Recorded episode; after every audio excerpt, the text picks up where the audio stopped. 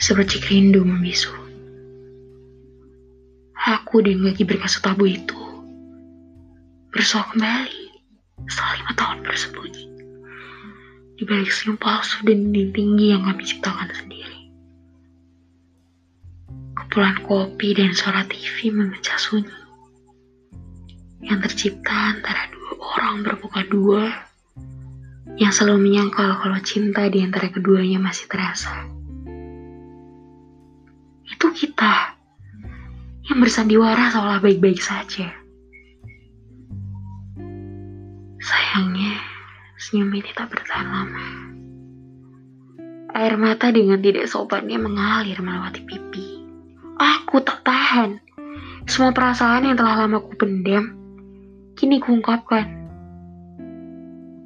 Aku tak peduli dengan egoku sebagai wanita. Ego yang menyuruhku diam dan tak berbicara.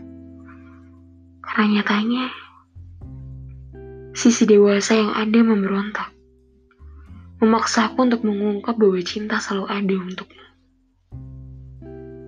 Jogja sore ini jadi saksi. Ada dua hati yang kembali walau pernah tersakiti.